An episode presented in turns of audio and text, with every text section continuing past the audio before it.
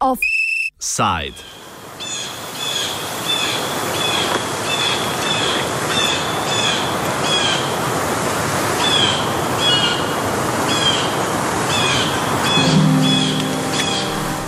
Zaradi okolja? Ne, zaradi penalov.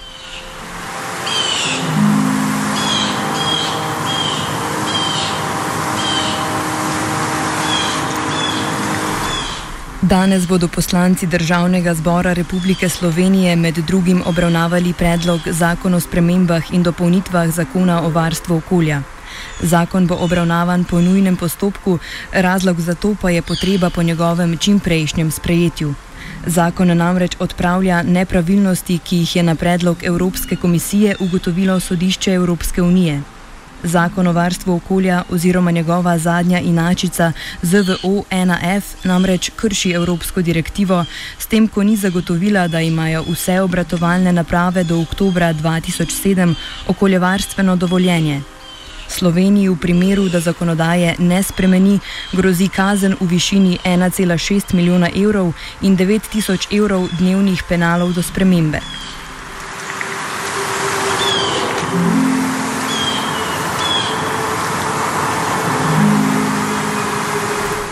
Trenutno veljavni zakon o varstvu okolja namreč dopušča tudi delovanje naprav brez okoljevarstvenega dovoljenja.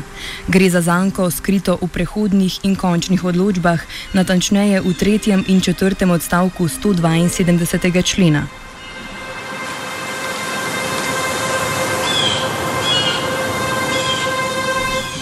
Odstavka velita, da ministrstvo ne sme izdati odločbe o prenehanju delovanja naprave brez okoljevarstvenega dovoljenja, če so razlogi za nepridobitev slednjega na strani pristojnega organa. Sumljivo genezo tovrstnih členov v različici ZVO-1F pojasnjuje pravnik Janez Tušek, zastopnik Ekokroga. V bistvu je jasno razvidno, ne, da se je vsa celotna sprememba ZVO-1F bila spisana na v bistvu za potrebe konkretnega primera in to konkretno govorimo o Lafarge cementu. Se pravi, ne, zakon se je takrat spreminjal ravno za potrebe zgolj in samo enega, pač ene stranke. To, če bi to razlagali, ne vem, študentom v prvem letniku pripravo znanstvu, mislim, da bi vsak študent oziroma vsaj moral biti paditi na izpitu zastopte. Se pravi, nikoli se spremi, ne spreminja zakona za potrebe ene stranke, pri čemer je to bilo jasno, saj do takrat so bili vsi potencijalni onosneževalci so bili ali smatrane kot nove naprave ali pa so že imeli izdana in pravnomočna okoljevarstvena dovoljenja. Torej, šlo je za spremembo zakona za potrebe ene stranke in to celo za nazaj. A tudi predlog spremembe zakona ima svoje nejasnosti. Zakonodajno-pravna služba državnega zbora je upozorila predlagateljico zakona, torej vlado, za ukinitev tretjega in četrtega odstavka 172. člena, da citiramo: iz, obraz, iz obrazložitve člena ni razvidno, ali v tem trenutku še obstajajo kakšni postopki, ki so v teku na tej pravni podlagi. Ker bi ukinitev te pravne podlage lahko imela pravne posledice za tekoče postopke, bi bilo treba vpliv predlagane spremembe na nje ustrezno pojasniti. Konec citata. Svoje mnenje o zadevi poda Stušek. Torej, podlaga in razlogi, ki so, bili, ki so botrovali k upeljavi navedenih določb, se pravi konkretno spremembam 172. člena, se pravi v letu 2013, je to jasno razvidno, ker je eksplicitno navedeno, da se vsa zadeva nanaša na, na, na, na, na uh, Lafarge cement. Torej, v bistvu men, jaz seveda ne poznam, nisem država, ne, ampak koliko postopkov bi potencialno bilo še v teku, ampak po mojih informacijah in tudi glede na razloge, ki so botrovali k spremembi 120. člena, ni dobenega drugega. Ne, niti ga pač državni zbor je sam navajal, da to se nanaša samo na Lafarge cement. Zdaj, vmes, ko se pogovarjal, sem še uspel pogledati, to gre za poročevalca za dne 10.10.2013. Si ga odprite, preberite, sami pa boste videli, kakšne neumnosti so se zdaj pisale noter, oziroma neumnosti. Pač obrazloženo, ampak vseeno pod črto jasno povedano, da se nanaša vse skupaj samo in zgolj na enega. Na, na, na enega. Tako da zdaj, to jaz zdaj težko komentiram, ne apeliram pa oziroma po, predlagam pa, da se v tem kontekstu seveda uh, navedeno uh, uh, se pravi komisija oziroma pač uh, institucija pač povpraša, uh, kaj je. Odgovora iz Ministrstva za okolje na kritiko zakonodajno-pravne službe državnega zbora v času nastajanja tega prispevka nismo prejeli. Če gre verjeti stušku in če dejansko drugih naprav, ki bi obratovale brez okoljevarstvenega dovoljenja, ni, potem bi potrditev tega strani ministerstva implicirala, da je bil zakon dejansko pisan na kožo trboveljski cementarni Lafarge. To pa bi seveda postavljalo vse več vprašanj in tudi ugotavljanje politične odgovornosti.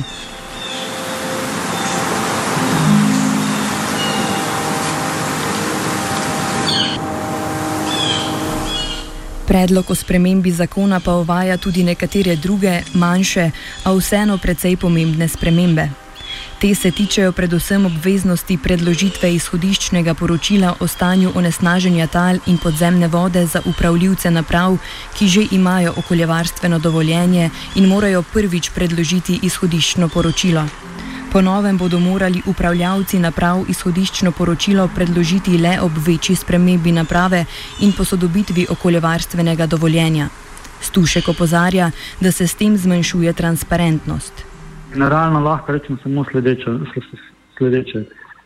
Da, vkolikor govorimo o nasneževalcih, ki pa ne govorim samo o ne, ampak pri vseh tovrstnih zadevah, ne, je mislim, da ključ, ki kateremu tudi stremi uh, Evropa na, pod, na področju varstva okolja in posledično vseh teh uh, naprav, ki lahko povzročajo nasnaženje uh, večjega obsega je transparentnost. Ne? In vsako manjšanje transparentnosti, vsako zmanjševanje uh, uh, količine oziroma uh, časovnice meritev, ne? mislim, da uh, niso v prid oziroma ne zasleduje ciljev, ki, uh, ki jih uh, Evropa, ki jim trenutno sledi na področju varstva okolja. Stušek obenem tudi povdarja, da sprejeti ukrepi sicer lahko zadoščajo standardom Evropske unije, pa zato še niso nujno najboljši. Vprašanje pa seveda je, eh, ali je ta eh, zakonski tekst v, kako kak se ne izrazim zdaj, skladen z področnimi direktivami in uredbami EU ali ni, bom rekel, zastopte, ampak ob koncu dneva pridemo pa vse do tega, ali samo izpolnjujemo minimalne standarde, ne, ker to je tisto, kar posamezne direktive ali pač uredbe zahtevajo, ali, ali poskušamo doseči neke maksimalne standarde, oziroma če se izrazim tudi po, uh, iz, v kontekstu ekoloških zadev, ne, uh, v kontekstu BATA, ne, Best Available Technology. Se pravi, tukaj gremo tudi v kontekstu teh meritev v neke.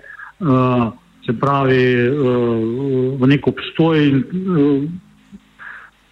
oziroma institucionaliziramo način zagotavljanja transparentnosti. In tukaj zagotovo ta poročila ne, niso uh, in zmanjševanje teh časovnice teh uh, poročil, še bolj pa zmanjševanje obsega teh meritev ali pa da, da, da, se, da, da se za določene uh, ener, uh, snovi elementa ali kakorkoli celo zmanjšuje, se pravi časovnica merjenja po domači rečeno, da ne, ne merimo na ne vem, enkrat na dan ali na vsako uro, ampak da se upravlja samo neka presečna, eh, presečna meritve enkrat letno, ne, to mislim, da zagotovo ne grejo v duhu teh uh, eksperimentov.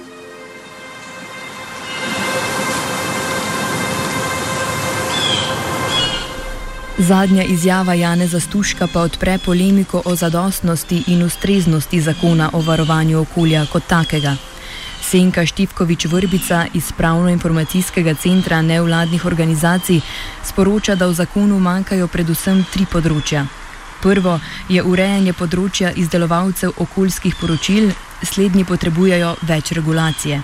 Predlog za ureditev tega področja je bil sicer na mizi leta 2013, a je iz zakona popolnoma izginil.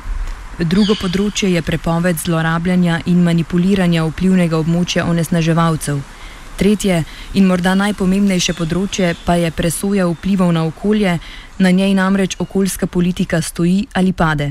Slednja pa je prepuščena le tržnim vplivom.